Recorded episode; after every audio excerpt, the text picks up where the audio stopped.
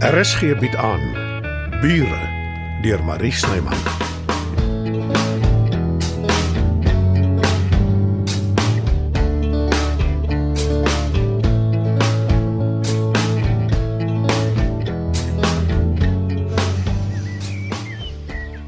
Wat het my altyd gesê? Die oggendstond het goud in die mond. Jy haal haar heeltemal te veel aan die laaste ruk. Dit maak my bekommerd. Hoekom? Omdat jy haar witbroodjie was. En nou, gewoonlik as ek dit sê, spring jy dadelik op jou agterpote. Ek weet dis oor die onderste kamer. Dis hoekom jy nie met my stry nie, nê? Nee, Jy's bang ek gee dit vir Dita. Ai sis, jy het dan klaar gesê ek kan daar gaan bly. En met dit dat ek nou werk het, ek betaal huur. Maak jou prys. Ek sal vir jou 'n deposito ook gee. Uh, dit sal ek dalk net moet afbetaal. Enige iets om weg te kom van my af. Wegkom. Dis reg onder jou. As jy oor jou balkon hang, kan jy my sien. Genadiglik is ek nie so nuuskierig nie. Ek wil tog net nie met my neus in die grond ploeg daaronder in die tuin nie. Dis nie dat ek nie lief is vir jou nie. Jy weet ek is baie. Mm, maar dis net Dis meer privaat. Ek verstaan. Ek trek jou siel uit Johannes. Ek wil geen huur hê nie. ek dring aan daarop. Jy het my 'n eislike guns gedoen om die plek op te pak. Ek het nie kans gesien nie. Jurg het ure daardeur gebring.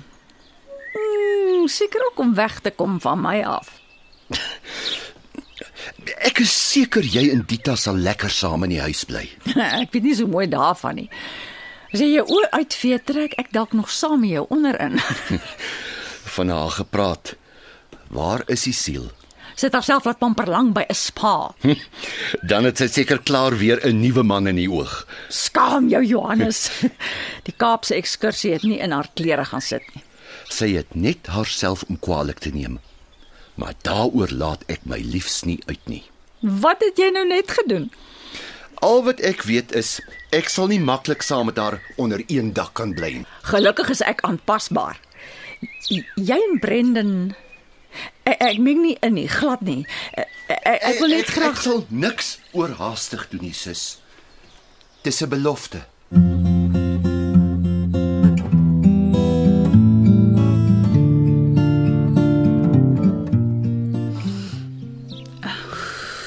Pla ek.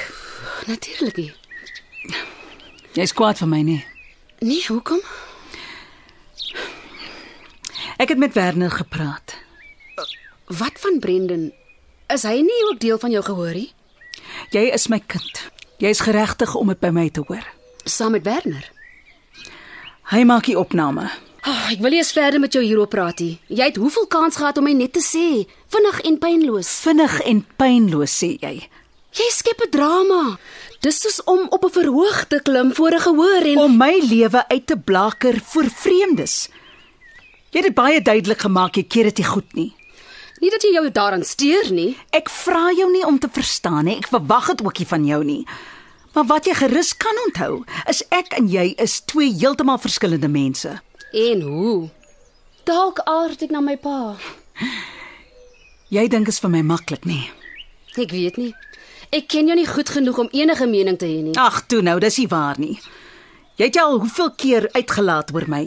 Oor hoe ek jou ervaar, maar wat in jou kop aangaan is vir my een groot raaisel. Ek's eintlik glad nie 'n ingewikkelde mens nie, Marleen. Inteendeel, ek is te uitgesproke. Dit laat my baie keer in die moeilikheid beland. En ek kan soms moedswillig wees. Maar hieroor is jy verkeerd. Dit gaan nie oor drama skep nie. Waaroor dan, Imelda? Sê my. Dit vreet al soveel jare lank aan my. En of jy dit nou verstaan of nie, dis al manier wat ek dit sal kan doen.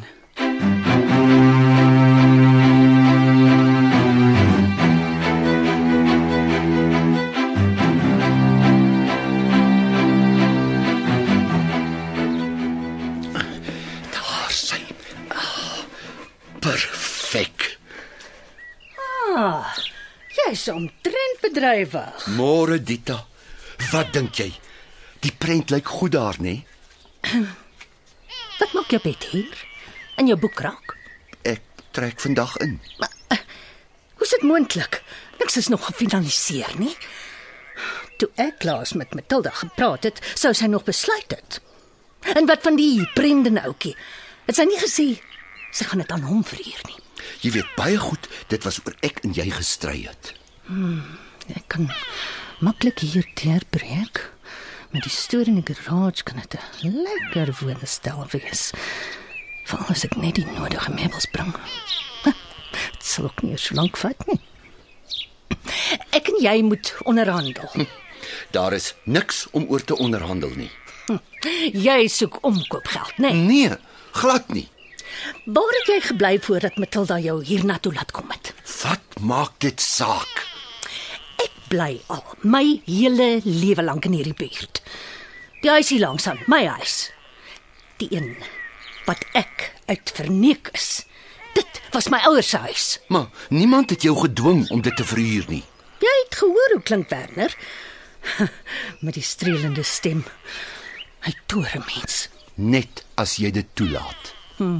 Jy weet weer alles van môre. Hoe voel dit om so slim te wees, hè? En dan praat ons nie eers van sy voorkoms nie.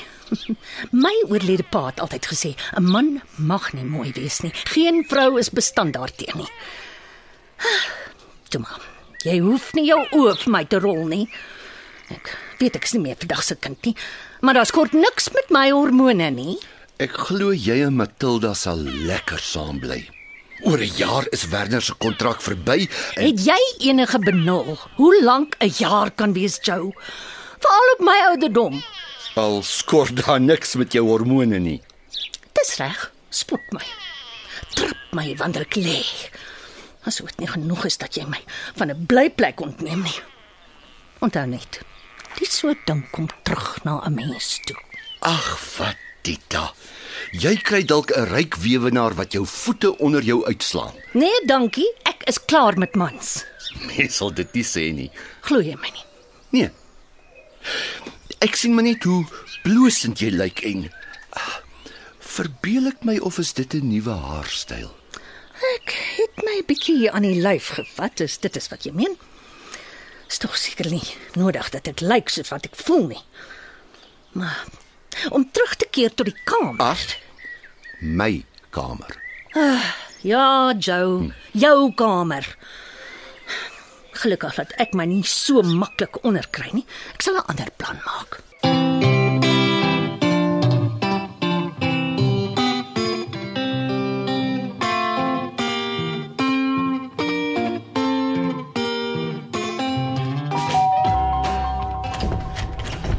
My aarde, Tita. Jy is sowaar die heel laaste mens wat ek hier verwag het.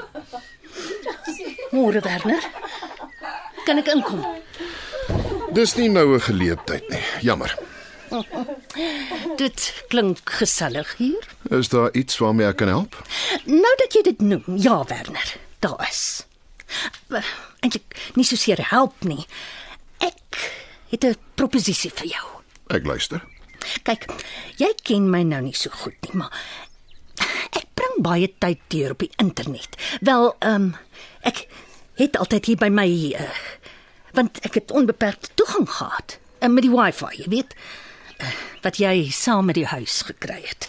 Maar Jammer ek, dat ek jou nie rede val, Dita. Ek is baie besig en ek kan jou ongelukkig nie help. luister net klaar asseblief. Ek sal vinnig praat.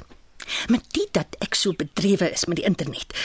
Ai, weet jy, Matilda glo mos eintlik nie daarin nie. Maar uh, dit daar gelaat. Ek sal vir jou 'n plek soek, iets wat ideaal is vir jou. Uh, nie dat ek heeltemal seker is Eh, wat eh, dit Ek is verstaan nie, ek verstaan nie. Wat's 'n plek? om in te bly. Om jou dinge in te doen. Ons het 'n kontrak, Dita. Ek het die huis ingerig soos wat dit my pas. Ons het al van tevore hieroor gepraat. weet. En dis nie asof ek moeilik wil wees nie, maar sien ek is, ek is terug uit die Kaap. En soos wat ek jou gesê het voordat ek weg is, dit was dalk 'n oorhaastige besluit. En nou het ek nêrens om te bly nie. Toe dink ek nou so, ek soek vir jou 'n ander plek en ek trek terug in my huis in. Genigtig, vrou, hoeveel duideliker moet ek dit vir jou stel? Wel, dan dan kanselleer ek die kontrak. Jy weet duidelik nie wat daarin staan nie. Ek stel voor jy bestudeer dit deeglik. Goeiedag. Maar wou jou dan nog vertel het wat ek En net daar klap hy die deur toe in my gesig. Nee. Wel nou nie hard nie, maar maar nogtans. Ek jy het jou les geleer. Met hom? O ja, beslis. Dis nou my lewenstaak om Werner Grobler uit my huis uit te kry. Dis nie wat ek bedoel nie. Jy moet aanvaar hy huur dit. Ek kan nie. Jy het nie 'n keuse nie. Dis 'n absolute waterdigte kontrak. Ek sal na my huisdokter toe gaan en 'n brief kry Wat 'n brief nogal. dat dit sleg is vir my my geestesgesondheid om nie in my eie huis te bly nie. Dis totaal belaglik. Jy jy klink soos 'n laerskoolkind. Ek het geen inkome nie. En nou lag my beste vriendin my nog uit ook. Tita, dis nie waar nie. En eh, ek is jammer ek het gelag. Dis dis net so so Belaglik, soos wat hy ook gesê het. jy het 'n plek om te bly, Dita. kan nie op jou nek lê nie. As dit nog nie onder was miskien, maar ek is gewoond om op my eie te wees, om die deur toe te trek wanneer ek nie met mense wil praat nie. My huis is ruim en my slaapkamer is heeltemal aan die ander kant. Jy kan nog steeds jou deur toetrek as jy nie lus is vir geselskap nie. Ek verseker jou, ek sal jou nooit lastig val nie. Ek weet, Matilda. En ek wil nie ondankbaar klink nie, maar dit is nie dieselfde nie. Verandering is nooit maklik nie. Veral nie op ons ouderdom nie. Juis. En Joe is gewoond om hier in die huis te bly saam met jou. Wil jy nie maar met hom praat nie? Johannes het sy onafhanklikheid nodig. Hy het nou selfs 'n werk gekry en hy Jy ontwikkel gaan nog steeds sy was goed was en sy kos vir hom maak. Ek ken jou. Dita, moenie dat ek en jy vandag stry kry nie. Ek moet seker maar my mond hou. Dis hoe dit gaan as jy genoodsaak is om jou voete onder 'n ander se tafel in te steek. Jy kan altyd vir jou 'n plek iewers elders gaan huur as dit dan so onuithoudbaar is hier. As dit is wat jy wil hê. Nee, Dita, dis wat jy wil hê. Daar's Albert. Gee my krag. Hy was so stil die laaste ruk en ek het gewonder wat van hom geword het. Matilda. Uh, nou ja, sy stel nie belang in hom nie. Wat beteken ek sal nie na slaai krap nie. Ek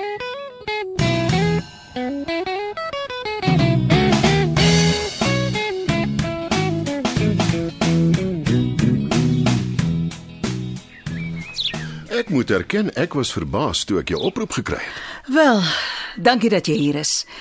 Jy sien dis kans om 'n opvolgprogram te doen. Voordat jy antwoord, ek wil hê jy moet weet ek is gekant daarteen. Soos die vorige keer ook. Maar ek het volle vertroue dat ek jou weer sal kan omhaal. Marlene sal nie deel wees van die program nie, Werner. Dit raak haar wel indirek, maar Indirek. Ek is my lewe lank bedrieg deur jou, deur ouma. En nadat ek uitgevind het jy is my ma, eh, ek het dadelik begin wonder oor my pa. Eers het jy gelieg en nou nou rek jy dit nog verder uit. Ek's moeg van jou manipulasie. En of jy ooit die slag die waarheid gaan praat, Marlene, wag nou.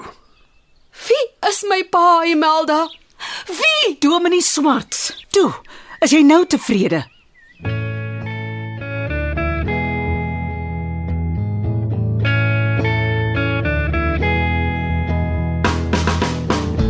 Bure word in Johannesburg opgevoer deur Marie Snyman.